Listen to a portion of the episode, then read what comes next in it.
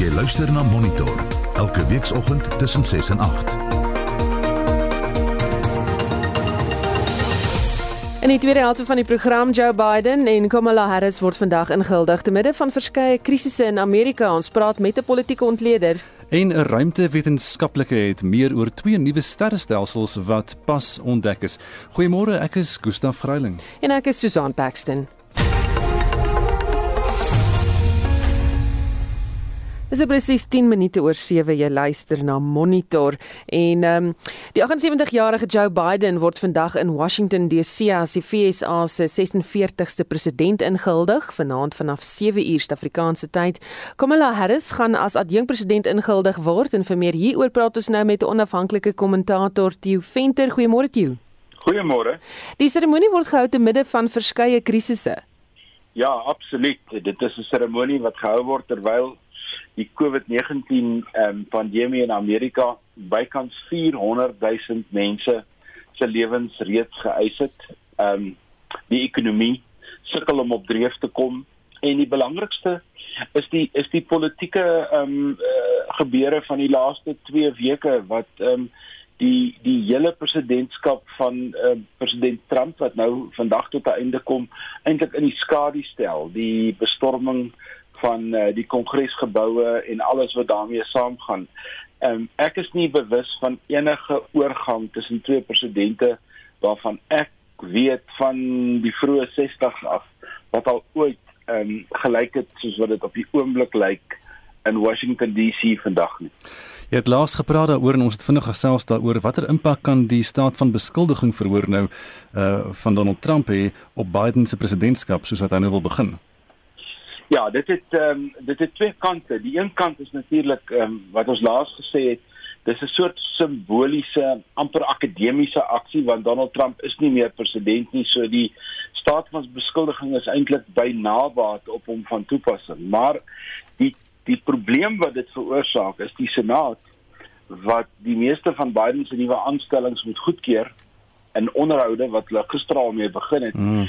word nou eintlik tussen twee ehm um, strome uh, vers, versprei. Hulle moet aan die een kant fokus op die nuwe bedeling wat inkom en die goedkeuring van baie belangrike poste in die volgende paar dae, maar te gelyk wil hulle ook die steun van die Republikeine hê om 'n staat van beskuldiging goedgekeur te kry en die goedkeuring van nuwe aanstellings en eers langs die pad gaan die politiek sy tol eis. Hulle gaan nie albei gelyktydig en vinnig kan regkry nie. Daar is reeds 'n paar Republikeinse senatore wat 'n speke in die wiel gooi wat dinge vertraag en dis meer en dit is normaal. So ek het 'n idee die staat van beskuldiging gaan so klein bietjie uitgerek word. Ehm um, en die aanstelling van die Biden genomineerde kabinetslede gaan voorkeur kry. Waar verwag jy gaan Biden eerste aandag gee in sy termyn? Ek dink die heel eerste ding wat hy gaan aandag gee is dit waaroor hy die laaste tyd die meeste gepraat het en dit is om die inentingsstrategie en die inentingsveldtog in Amerika absoluut op dreef te kry. Ehm um, die die die krisis ehm um, bied homself eintlik aan as nommer 1 en dan natuurlik baie vinnig daarna die uh, die tweede een wat daarmee saamgaan die die ehm um, vergoedingspakket of die hulppakket wat goedgekeur gaan word en dan kom al die ander. Maar ehm um, COVID bied homself aan in die meeste lande in die wêreld as die onmiddellike fokus van wat jy moet doen. En ek dink die verskil gaan daarin wees dat waar Donald Trump tot nou toe ehm um, en hy het 'n hele paar ehm um, goeie goed gedoen rondom um, COVID-19. Uh, sy veldtog warp speed en 'n klomp ander dinge wat hy aangemoedig het. Maar die taalgebruik en die die die modus van aanbieding. Met ander woorde dat hy in sekere sin eintlik die hele tyd die ekonomie wou stimuleer vir mense eintlik positief wou praat, het ons met baie duidelike ander benadering. Hy hy hy demonstreer empatie, hy demonstreer ehm um, besorgdheid, hy demonstreer ehm um, uh, openheid dat daar is probleme en ons probeer die probleme oplos. So die twee se persoonlikhede verskil soos dag en nag in terme van die hantering van die krisis. Hoe lyk uh, Biden se kabinet? Jy het nou gesê dat gister iets begin met van die onderhoude uh, vir die be, vir die Senaat dan nou daaroor juis. En ons het al baie van die name gehoor van die kabinetslede en die raadgewers. Is daar daar swaar gewigte daar? Daar swaar gewigte en Biden het 'n het 'n voordeel bo dit wat ehm um, Donald Trump gehad het 4 jaar gelede. 4 jaar gelede moes Donald Trump kies uit mense wat nie in die regering was nie want die Obama administrasie was 8 jaar aan bewind wat beteken daar was nie meer mense regtig oor wat in die vorige Republikeinse administrasie nog in die, in in in in beskikbaar was. Hulle het intussen ouer geword. In Biden se geval is dit kwaliek 4 jaar gelede. Was baie van die mense wat hy aangewys het nog aktief in die politiek, aktief in administrasie en hy kon hulle net so weer gebruik. So ek dink hy gaan hy begin met 'n administrasie wat baie beter voorberei is en die ehm um, die omvang van die werk baie beter begryp. Ek is ehm um, beïndruk met die keuse wat hy gemaak het as die as die minister van buitelandse sake, hulle noem hom the secretary of state, Blinken, wat uh, alreeds gesê het dat daar sekere goed is in Amerikaanse beleid wat moet sal aangaan daar is sekere goed wat hulle moet gaan verander, maar die verhouding van Amerika met betrekking tot China kan nie verander nie. So dieselfde standpunt gaan gebly handhaaf word, maar die belangrikste dink ek van die kabinet is die diversiteit van die mense wat aangestel is. Ehm um, net soos wat hy en Kamala Harris vir die eerste keer in die geskiedenis van Amerika 'n uh, 'n uh, 'n kombinasie verteenwoordig wat 'n uh, uh, uh, uh, vrou insluit, wat 'n eerste is. Ehm um, dis die derde keer dat 'n vrou probeer het om vir een van die twee senior poste um, te staan en geslaag het. Dit is baie belangrik en dan natuurlik die hoeveelheid uh, verteenwoordigers van van van swart gemeenskappe van uh, mense met Indiese afkoms um, daar is 'n ongelooflike diverse groep. Dit lyk mooi. Dit verteenwoordig ehm um, Amerika in sy breedste, maar dit is ook moeilik om so 'n groep mense bymekaar te hou want hulle verteenwoordig ook verskillende ideologiese standpunte. Hmm. So die Biden administrasie het nie noodwendig al die voordele of die optimisme wat daar op die oomblik blyk nie. Dit gaan ook sy kwota ehm, um, moeilikheid gee, maar ek dink hy begin op 'n beter voet al word hy nie in die Withuis verwelkom deur die uitgaande president wat so 'n ou gevestigde tradisie is. Weet ons al aan wie president Trump toe gister kwytskelding gegee? Nee, ons weet 100 mense en ons weet ook dat hy nie aan homself gaan kwytskelding gee nie en ook nie aan sy kinders nie en klaar blyklik ook nie aan Rudy Giuliani nie. Die gebeure van die laaste 2 weke. Ek kan nie dit nie oorbeklemtoon nie het.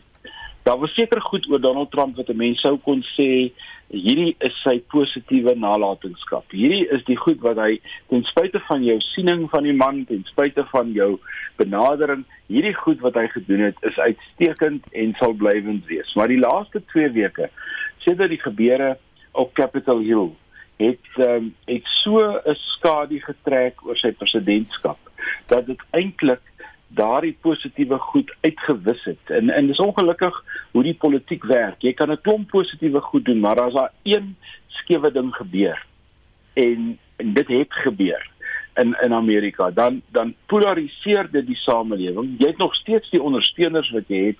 Jy's nog steeds dieselfde mens, maar hoe mense na jou erflate en jou erfenis, jou jou legacy kyk, het nou heeltemal verander en dit het gemaak dat hy daarvan uh weer uh, wel hy's oortuig um deur deur sy raadgewers om nie vir homself 'n kwytskelding te gee nie want dit gaan die emere en die emosie net nog verder um laat opvlam.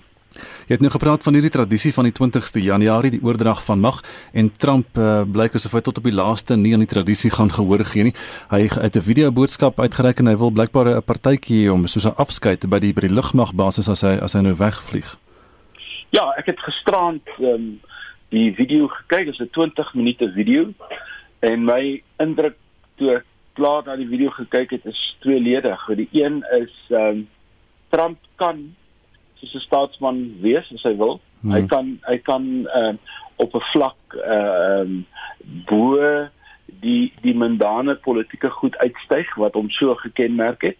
Maar die tweede indruk wat ek het is Jakals prys sy eie sterk. Ehm um, hy het daar ehm um, gaan sê in sy afskeid ehm um, wat is eintlik wat hy vir Amerika nalat en hy daar ook die inkomende administrasie sonder om hulle ooit by die naam te noem. Hy het van die nuwe administrasie in 'n generiese sin gepraat. Die enigste persoon wat hy by die naam genoem het, was sy kinders en vir uh, Mike Pence wat my nogal verbaas het omdat die verhouding tussen hom en Mike Pence baie skeef geloop het oor die laaste 2 weke. Maar vir die res het hy generies gepraat.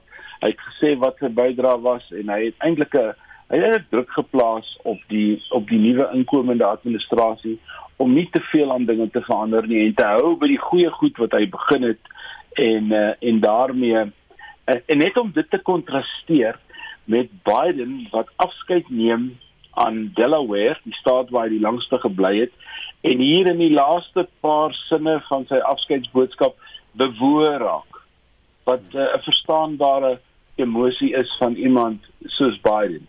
In die geval van Trump wat die Withuis moet verlaat sterk tussen die bene, is daar nie 'n sprake van bewoondheid nie. Daar is nie eers sprake van hartseer nie. Hy bly die akteur en hy bly in sy eie werklikheidsreeks die Withuis van 4 jaar speel.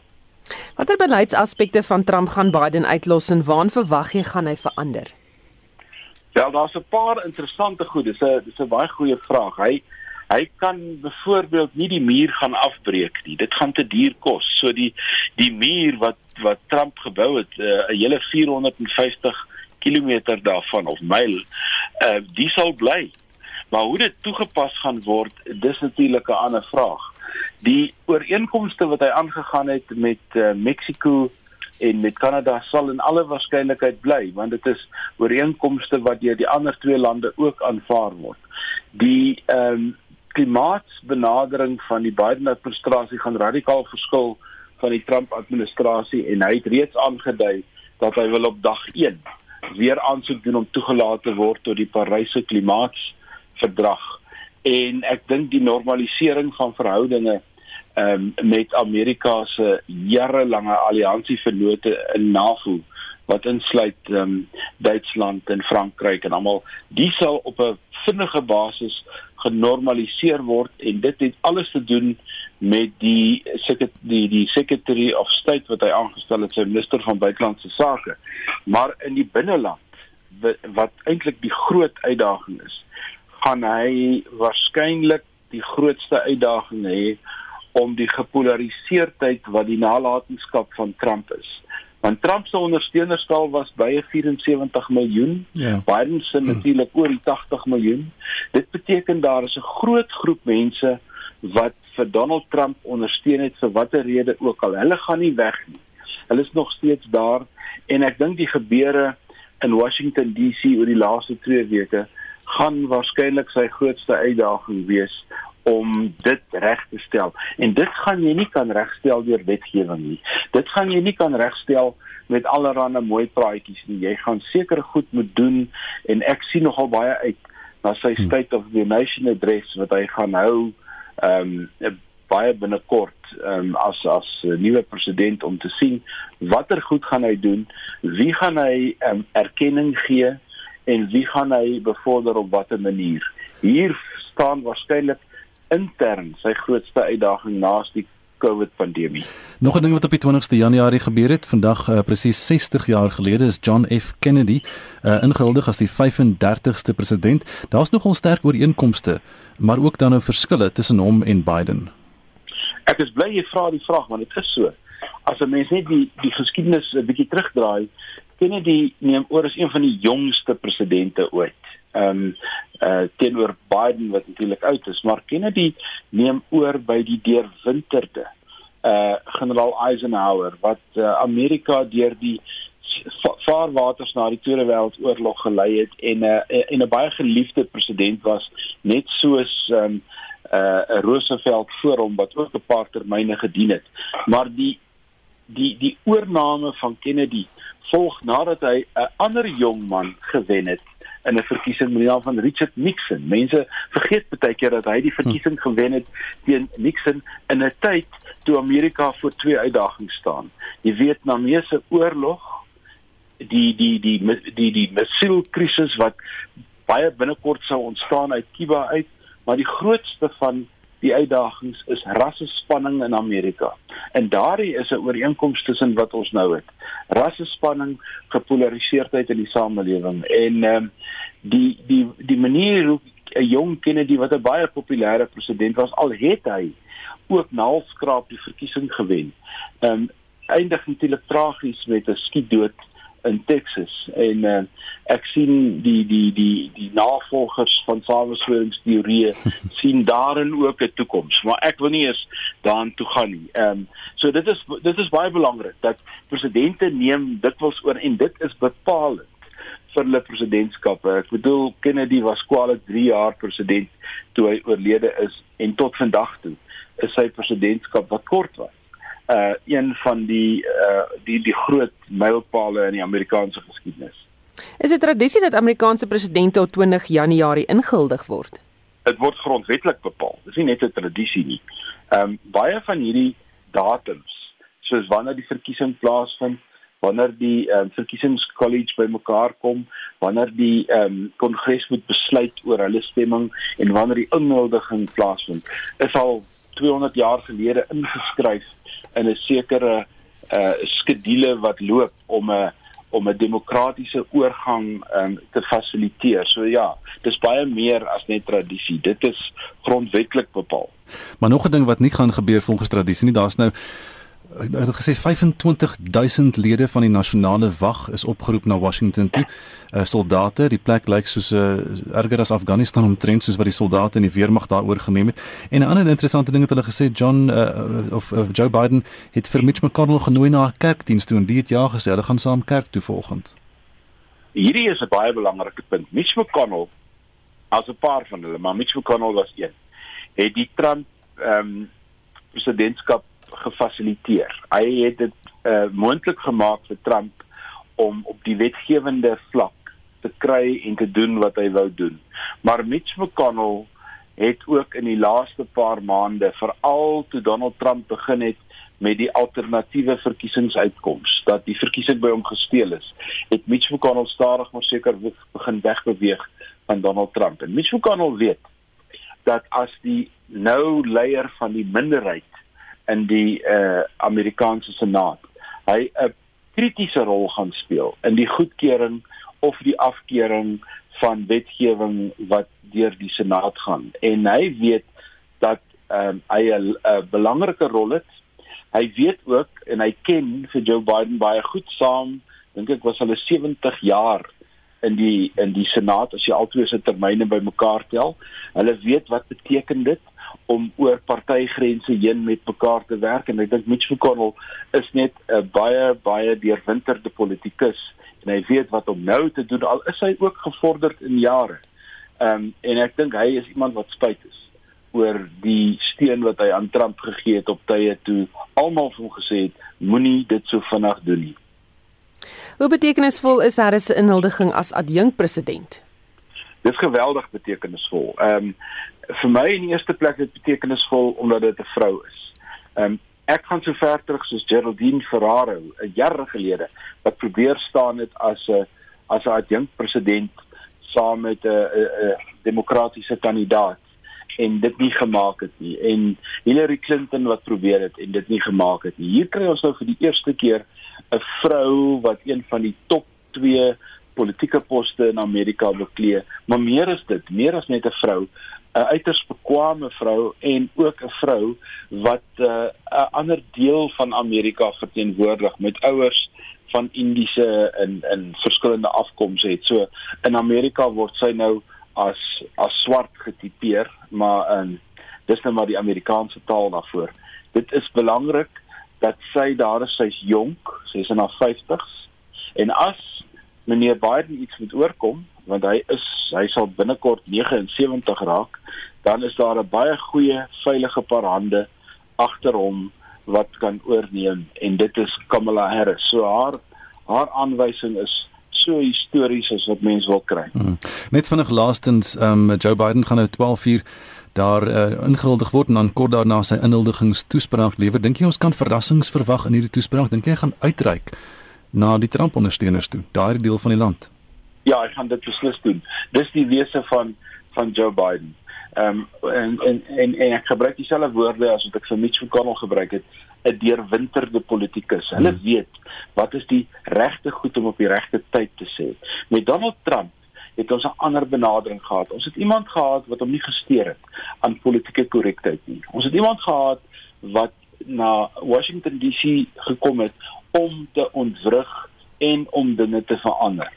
En dit gaan die verskil wees tussen die benaderings en die toesprake wat ons hier gaan sien. So ek dink ons gaan 'n staatsmans toespraak sien en ek dink ons gaan iets sien wat ten minste die grootste deel van die Amerikaanse samelewing rustiger gaan laat um, en nie weer verder verdeel of uh, polariseer nie. Toe baie dankie Theo Venter die onafhanklike kommentator oor die Amerikaanse inhuldiging vandag.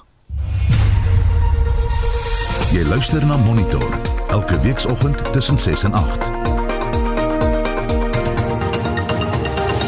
Sopas half 8 en in die nuus die DA vra die nasionale tesourie oor besonderhede van hoe elk van die land se munisipaliteite sy deel van die COVID-19 verligtingspakket van 500 miljard rand bestee het.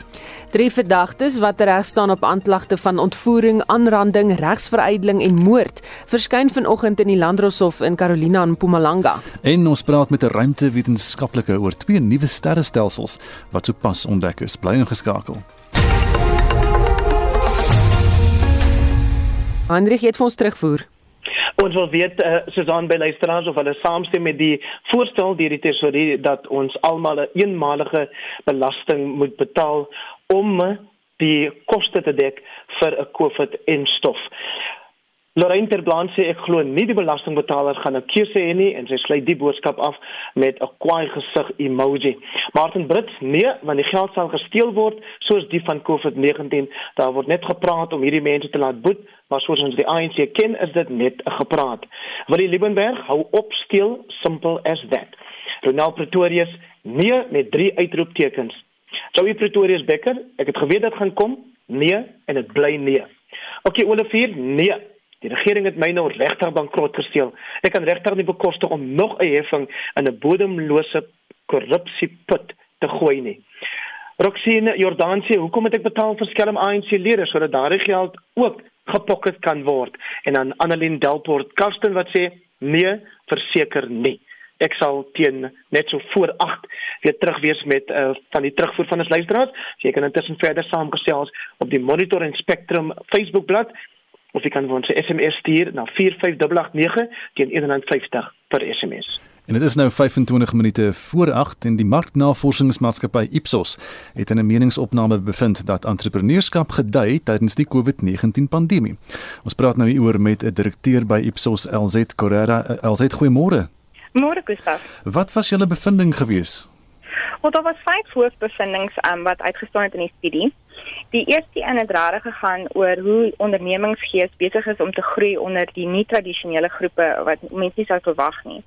Soos byvoorbeeld um in Suid-Afrika wanneer ons oor die studie 2 jaar terug ook gedoen en in, in daai tyd was daar byna 10% gang in ondernemingsgees spesifiek onder vrouens, uh, mense met 'n lae inkomste of lae kwalifikasies, sowel as generasie Z, die millennial groep en generasie X. En was daar spesifieke bevindinge oor Suid-Afrika dan? Ehm um, ja, daar was ja, wat daar daar vyf bevindinge. So die tweede een is dat 2/3 van ons bevolking voel dat vrouens nie regverdig behandel word ehm um, op die oomblik as hulle 'n besigheid probeer begin nie.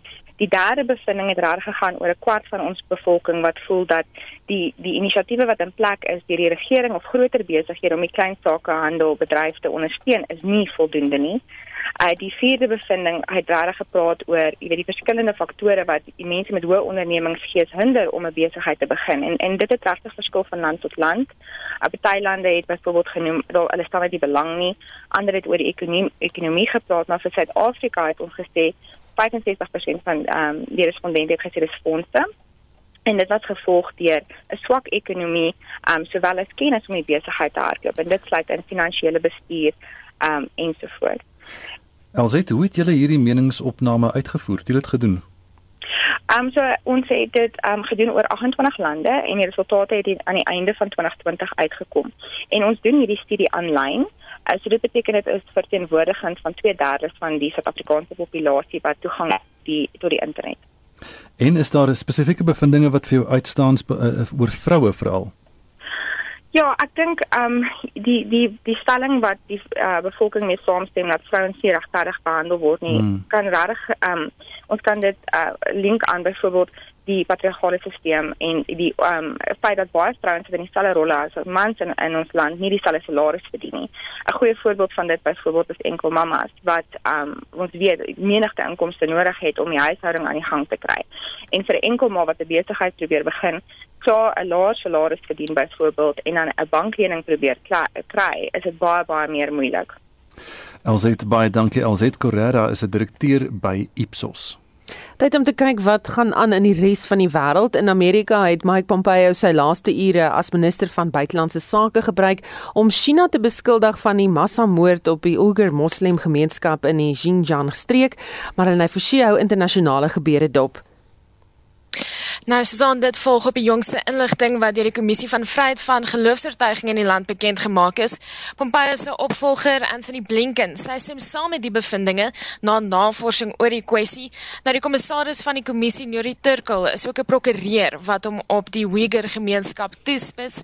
Die kommissie sê en ander menseregte groepe, hulle beweer dat miljoene Uyghur moslems in aanhouding is by sogenaamde kampe van heropleiding. Nou volgens Turkel het hulle bewyse van menseregte vergrype.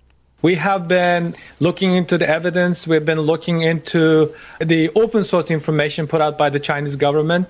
We also have a credible witness and survivor testimonies. And the evidence is overwhelming that the Chinese government is committing uh, a genocide, a crime against humanity in daylight. Maar dan is jy nog daar.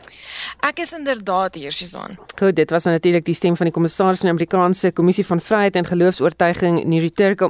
Ons bly by nuus oor gebeure in China. Na 2 weke ondergronds het 11 mynwerkers wat in 'n goudmyn vasgekeer is met die buitewêreld gekommunikeer. En hulle is vasgekeer na ontploffing in 'n goudmyn in die Shandong streek. Al van die 22 werkers wat vasgekeer is, het gereageer op 'n rantsoenkabel met medisyne en kos wat deur 'n nou kommunikasietonnel afgestuur is. Hulle het 'n handgeskrewe nota opgestuur en is steeds onduidelik waar die 11 ander hulle bevind. Reddingspogings stuur voort. En in Brittanje is minstens 1600 mense die afgelope 24 uur dood aan COVID-19. Dit is die hoogste sterftesyfer wat sedert die begin van die pandemie aangemeld is en gaan na verwagting verder styg. En een van die hospitale wat deurloop is die Royal London Hospitaal. Nou die senior lijkbesorger in die hospitaal se dodehuis, Hannah Lily, sê haar span van 5 is oorweldig deur die aantal sterftes. People just dying and dying and dying, you know. It's, although it's our job and we deal with dead people every day, um, this this level, I, I think, is taking its toll. Does it feel like a conveyor belt? It, it does. It does in a way, yeah. And I hate to say that because I hate to, to think of it like that, but yeah, yeah, it, it is almost, yeah. That's what the pandemic's yeah. done. I mean, yeah, it's no one's fault. No. Sorry. I've done this for years, you know. I'm just when someone says to you, "How does it make you feel?" when you you're saying how it makes you feel, well, yeah, this this is how it makes me feel. Nou die BBC het 'n konsultant in die kritieke sorgeenheid met die Healy gevolg vir 'n dag. Een van haar 28-jarige pasiënte is nou reeds 3 weke lank aan 'n ventilator gekoppel en sy moet sy familie bel met moeilike nuus. Now, I know um he is quite sick. He could die from this by the way. I'm sorry to have to say that. I know, love. I know. I know. Don't worry. We're doing everything we can for him. Very difficult because this poor family have been through a huge amount and they're actually so nice that makes it more difficult. Dag na dag is dit dit in die hospitale en ander in Brittanje gaan. Ons sluit af met 'n boodskap van hoop van die nuut verkose Amerikaanse president Joe Biden kort voor sy inhuldiging vandag. Hy en sy adjunk Kamala Harris het 'n gedenkdiens in Washington gelei wat gehou is vir minstens 400 000 Amerikaners wat dood is aan COVID-19. To heal we must remember It's hard sometimes to remember, but that's how we heal. It's important to do that as a nation. That's why we're here today. Between sundown and dusk, let us shine the lights in the darkness along the sacred pool of reflection. Remember all whom we lost. Dit was die nuutverkose president Joe Biden. En dit was Marlene Forsie met vanoggend se wêreldnuus. Dis nou 18 minute voor 8 uur by Monitor op RSG en in sy nuwe boek Promised Land skryf Karel Kemp dat die dringendste aspek van die gronddebat die behuisingstekort in en rondom stede is. Die groot aantal mense wat vanaf die platteland en landelike gebiede 'n uh, beter bestaan in stede soek, het nie plek om te bly nie. Die bestaande townships is landwyd oorvol en die manier om die nood aan te spreek begin met wat Kemp agterplaasbewoners noem. Mitsi van der Merwe het hierdie verslag saamgestel. 'n Backyarder is iemand wat bly in iemand anders se agterplaas in 'n shack. Dit is 'n essensiële deel van baie townships en plakkerskampe se informele ekonomie en dan ook die informele markplekte want 'n persoon wat genoeg spasie het om 'n klein deel van daai spasie uit te huur verdien ons nou inkomste daaruit. En uit daai verskynsel vloei shack farming dan ook nou natuurlik want dit is soos met enige ander besigheid waar dit problematies word is natuurlik as spasies of huise wat deur die regering besorg word dan nou ook uitgehuur word wat dit nie eintlik voor mag aangewend word nie. Die boer en die verskaffing van informele hutte is 'n floreerende besigheid. As iemand wat uh, nie eintlik geregtig is op 'n hophuis of enige ander vorm van regeringsbehuising nie, daai hophuis dan gebruik en kom dit 'n hophuis is, is dit goed gedelineer en mooi gebou en en en die spasie om dit gebruik om dan slegs vir winsdoeleindes. So verskeie mense kan shacks om dit bou dit kom als neer op hierdie idee van 'n transient migrantkultuur. Mense kom van buite af in. Die regering kan nie bybly met die hoeveelheid formele behuising wat nodig is om soveel mense te huisves nie. En dis maak mense planne. Dis eintlik baie entrepreneurieel. Die plekke wat so uitgegee word, is nie gesoneer vir behuising nie en veroorsaak 'n bevolkingsontploffing. Kemp het die land van die Wes-Kaap tot in die noorde deurgetrek en hanteer die geskiedenis van baie gemeenskappe feitelik en hoe dit tot nou ontwikkel het. Regeringsbeleid en die manier hoe landbou ontwikkel het, het in die Wes-Kaap baie bruin mense ontheem. Hulle vaardighede is geskoei op die tradisionele arbeidsbehoeftes van wyn en ander plase. Hulle het nooit die kans gehad om ordentlike titel na die wyse wat hulle al woon vir generasies te ontvang nie of nooit die kans gehad om kapitaal op te bou nie. As hulle uitgesit word van die plaas af, dan het hulle regtig nêrens anders heen om te gaan nie en geen ander manier van 'n uh, eh, lewe maak nie. So daai mense moet dan natuurlik ergens 'n plek gaan vind om hulle kop te lê maar daar is regtig waar niks vir hulle beskikbaar nie. Die Drakensberg munisipaliteit byvoorbeeld kan nie bybly met die hoeveelheid mense wat uitgesit word nie en die hoeveelheid mense wat inkom van ander dele van die land af en van ons buurlande af nie. Daar is nie net nie genoeg staatsgesubsidieerde huise beskikbaar vir die hoeveelheid haweloses nie. Die gevolge is meer plakkerskampe. En bruin gemeenskappe is gewoonlik huiwerig om saam met swart gemeenskappe te woon jy sien die manifestasie van hierdie probleem oral in die wynlande. Toe ek daar was, het daar minstens 4 nuwe plakkerskampe opgespruit in die afgelope jaar en dit lyk asof dit net gaan toeneem want die situasie wat die mense van die plase af sit, dit wil sê mekanisasie en wat ek in die boek noem the financialization of farms gaan nie stopgesit word nie. Dit is 'n onomwendbare verskynsel. Die grondbesitters ken die wet en weet hoe om die stelsel te manipuleer.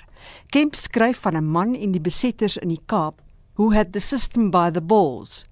Die wetgewing wat uitsettings in Suid-Afrika bestuur, maak dit byna onmoontlik om hawelose behoeftiges te verskuif van 'n plek waarvan hulle 'n tuiste gemaak het.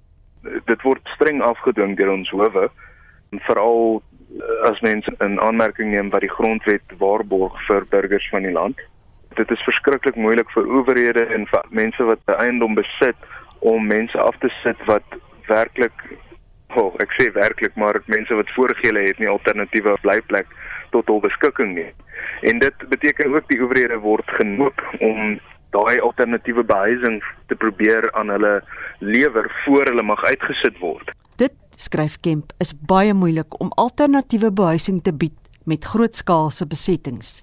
Die regsverteenwoordiger vir Kobani en die besetters het nie eens basisstukke om 'n hofsaak voor te sit geleeseer by die hof nie, maar het opgedaag en die regter kon dit nie skrap van die rol nie, want sy weet sy kan nie die uitsettingsbevel gee sonder insette van die besetter se kant af nie. En my navorsing toon dat die besetters more often than not weet hulle wat die reëls is en hulle kan dit uitbuit en misbruik om sulke stories te wen.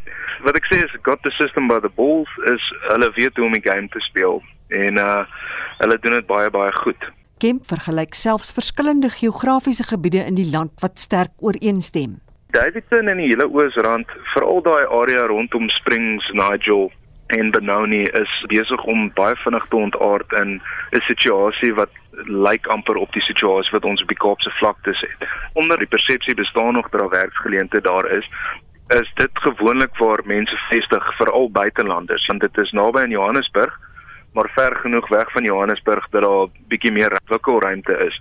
Davidton uh, dit is snaaks want ons dele van Davidton wat baie formeel is wat eintlik heel middelklas is. Hy wy 'n hoofstuk in Promised Land aan Davidton omdat hy meen dit so duidelik wys hoe townships ontwikkel het sedert die vorige eeu tot nou. Ook veral wat interessant is is verwoord en Iceland se baie persoonlike betrokkeheid by hierdie projekte.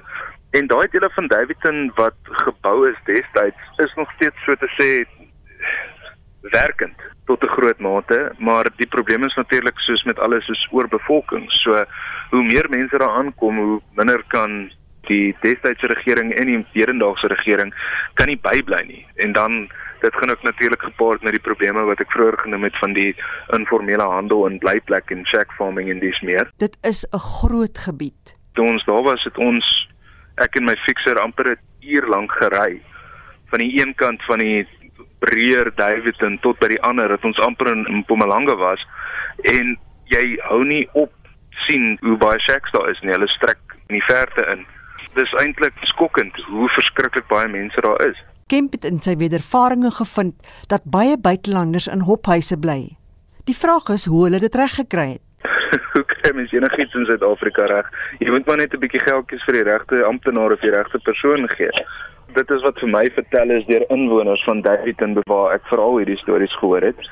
Dis maar redelik sensitief. Mense is bang. Daar's verskriklik baie stories dat mense bereid is om moord te pleeg om hierdie tipe korrupsie stil te hou. Dit is maar 'n bietjie van 'n oerwoud in daai dele van die land. Maar van wat mense vir my sê is buitelanders dikwels is hulle meer doelgerig en waarom hulle hiernatoe kom, hulle het gewoonlike inkomste. So hulle kan bekostig om 'n voorbeeld te amptenaar net om te koop om vir hulle 'n hophuis te allokeer. 'n Ander manier is om vervalse dokumente te kry vir 'n hophuis. Of wat ook gebeur, wat ek hoor, is hulle sal vir 'n Nyalpe verslaafde opdrag gee om te gaan aansoek doen vir die hophuis en dan die Nyalpe verslaafde, wat 'n Suid-Afrikaner is, kan dan onder sonnige omstandighede daai hophuis ontvang maar hy word net afbetaal met Nyalpe en die buitelander of wie ook al dit is wat die omkopery bedryf trek dan eintlik in die hophuis in of huur dan die hophuis uit aan iemand anders. Die gevalle studie van Irene Grootboom in Kemp se boek is een voorbeeld van hoe min verwagtinge vir behuising bevredig is. Die paragraaf uit Promised Land By 2001, a year after Irene Grootboom's case was successful in the Constitutional Court, less than 10% of the housing in the area was formalized in any way, and when she died in 2008, Irene Grootboom was still in the Wallace Dean squatter camp. Wat ek probeer doen het met die boek was om stories te vertel. Anders raak dit verskriklik akademies en droog en niemand stel belang nie. Maar wat inwoners my gesê het, ek bedoel dit is natuurlik die heel eerste rede wat aangevoer word deur besetters is ons is beloof daar gaan dienslewering wees, ons is beloof daar gaan huise opgerig word vir ons. Wat ons nou doen is net 'n manier om daai beloftes te probeer afdwing. Maar om met sekerheid te kan sê dat dit feitelik die geval is dat die regering van die dag te veel beloftes gemaak het, is Kemp se reaksie. Of dit waar is of nie, ek glo ons weet almal hoe verskriklik aklig is die ANC se geskiedenis met dienslewering. Ek dink om daai vraag regtig waar ordentlik te beantwoord en te staaf gaan 'n ander tipe projek wees as die een wat ek aangepak het met hierdie boek. Karl Kemp gee ook die feite oor grondhervorming en grondrestitusie in Suid-Afrika in sy onlangs gepubliseerde boek Promised Land. Mitsi van der Merwe, SAK-nuus. Wetenskaplik is dit pas bekend gemaak dat die Meerkat teleskoop in Suid-Afrika hulle gehelp het om twee groot radiomelkwegstelsels te sien. En vir meer hieroor praat ons nou met Dr Pieter Kotse, 'n navorsingsgenoot by die Suid-Afrikaanse Nasionale Ruimteagentskap. Ehm um, en ek dink jy's nou by die Noordwes Universiteit ook, nê, nee, Pieter? Dis korrek, ja. Maar goeiemôre en sê vir ons wat is radiomelkwegstelsels? Kyk, hierdie melkwegstelsels word uh, gekenmerk deur die uh uitstraal van radiogolwe in die vorm van enorme groot spuitstrale. Mens kan dit amper vergelyk uh die analogie daarvan kry soos 'n walvis wat water uitspuit by sy uh, rugholte en dan so 'n pluim vorm. Dit is omtrent hoe mense dit in radiogolwe dan waarneem met 'n radio teleskoop. So in teenstelling met ander melkvee wat byvoorbeeld in die sigbare lig uitstraal, straal hierdie melkvee by of melkstelsels uh, uitsluitlik in die radiogolfgebied uh, uit. En hoe vorm hierdie stelsels?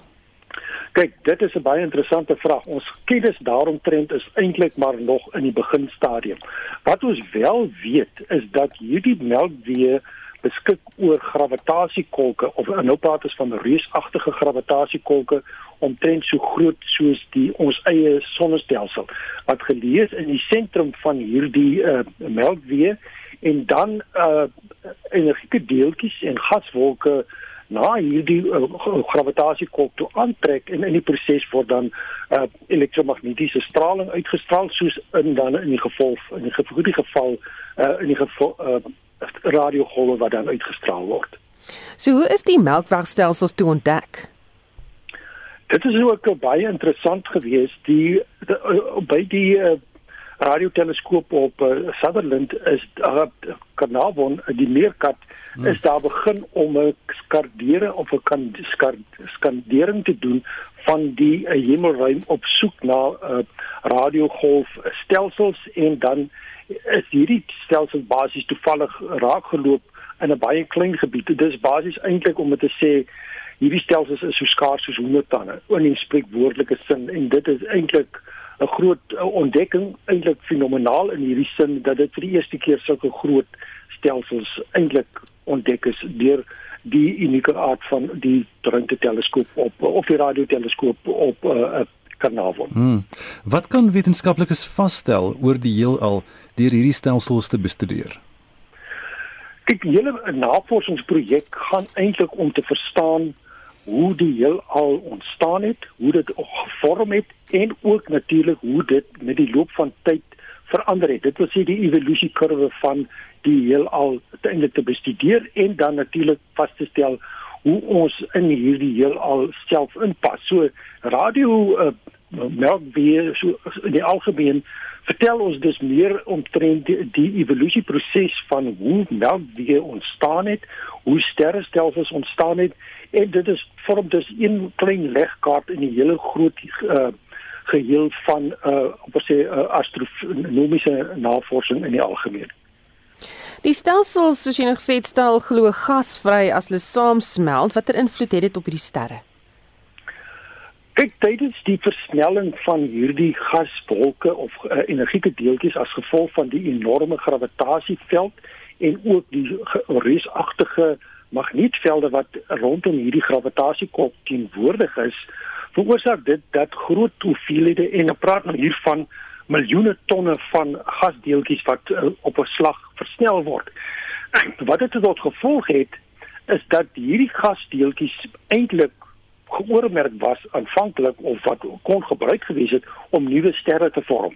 So wat dit nou eintlik beteken is hierdie uh, verwydering van hierdie gaswolke is eintlik katastrofies uh, vir die vorming van nuwe sterre en tot dit tot gevolg kan hê dat hierdie uh, melkwegstelsels eintlik éventueel sal doodgaan in aanhalingstekens. Dit wil sê daar word nie nuwe sterre gevorm nie. So dit word dit ontneem die moontlikheid om nuwe sterre te vorm binne in hierdie spesifieke melkwegstelsel. Jy het nou nou gesê hierdie waarnemings is gedoen by Carnarvon in die Noord-Kaap hier by ons. Vertel vir ons meer van hierdie Meerkat teleskoop en wat wat stel dit in staat om hierdie stelsels te kan waarneem? Die Meerkat teleskoop op die oomblik bestaan uit 64 skottelantennes wat éventueel uh uitgebrei gaan word na 200 uh, van hierdie uh, stelsel uh, skottels antennes wat dan die vierkante kilometer uh matrix 'n teleskoop radioteleskoop in die suidelike halfrond gaan vorm of by 'n uh, Carnarvon. Dit is 'n baie unieke radioteleskoop eintlik die vermoë en die tegniese vermoë, die oplosvermoë, die akkuraatheid en die sensitiwiteit van hierdie radioteleskoop is uniek in die wêreld. Dit is eenig in sy soort en daar is nie soortgelyke stelsels wat tans bestaan om hierdie tipe van waarnemings te kan doen. En dit het dus hierdie teleskoop in staat gestel om hierdie nuwe uh, melkwege of melkwegstelsels uh, te kon waarneem. Maar dit is uiters uiters dowwe syne wat ontvang word wat basies 'n paar honderd miljoen ligjaar van ons af uh, geleë is. En dit was net bestem gewees of kon slegs deur hierdie teleskoop ruimteteleskoop of radioteleskoop uh, waargeneem word. En ek sit er eintlik om te dink as die volle is uh, die vierkante kilometer raad matrix uh, radioteleskoop in werking kom hier rondom 20 um,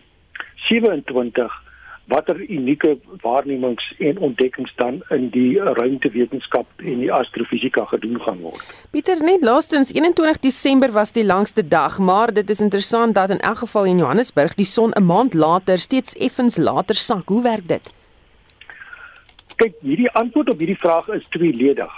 Die eerste is die aarde in sy wentelbaan om die son is nie in 'n volkomme sirkel of 'n perfekte sirkel nie, maar in wel in die vorm van 'n ellips. En tweedens uh, is die wyk die uh, rotasie van die as van die aarde af ten opsigte van sy wentelbaan nou ongeveer met 23 grade. Dit beteken dat daar geen simmetrie is eintlik tussen sonsopkoms en sonsondergang nie. As 'n mens nou werklik kyk ongeveer by die 13de Desember het die son die vroegste opgekom in Suidelike Afrika hmm. en van daar af het dit begine later op begine opkom alhoewel die sonsondergangs nog verder aangeskuif het en later die son gesak het. Dit was Dr Pieter Kotse, buitengewone professor aan die Noordwes Universiteit se sentrum vir ruimtenavorsing. Bly ingeskakel hier by RSG want uh, praat saam is volgende met Lenet Francis Puren van Monitor groet ons nou ons waarnemende uitvoerende regisseur is Hendrik Martin. Ons redakteur vanoggend was Wessel Pretorius en ons produksieregisseur Lewona Bekes. Ek is Gustaf Greiding. Ek is Susan Paxton. Geniet jou dag.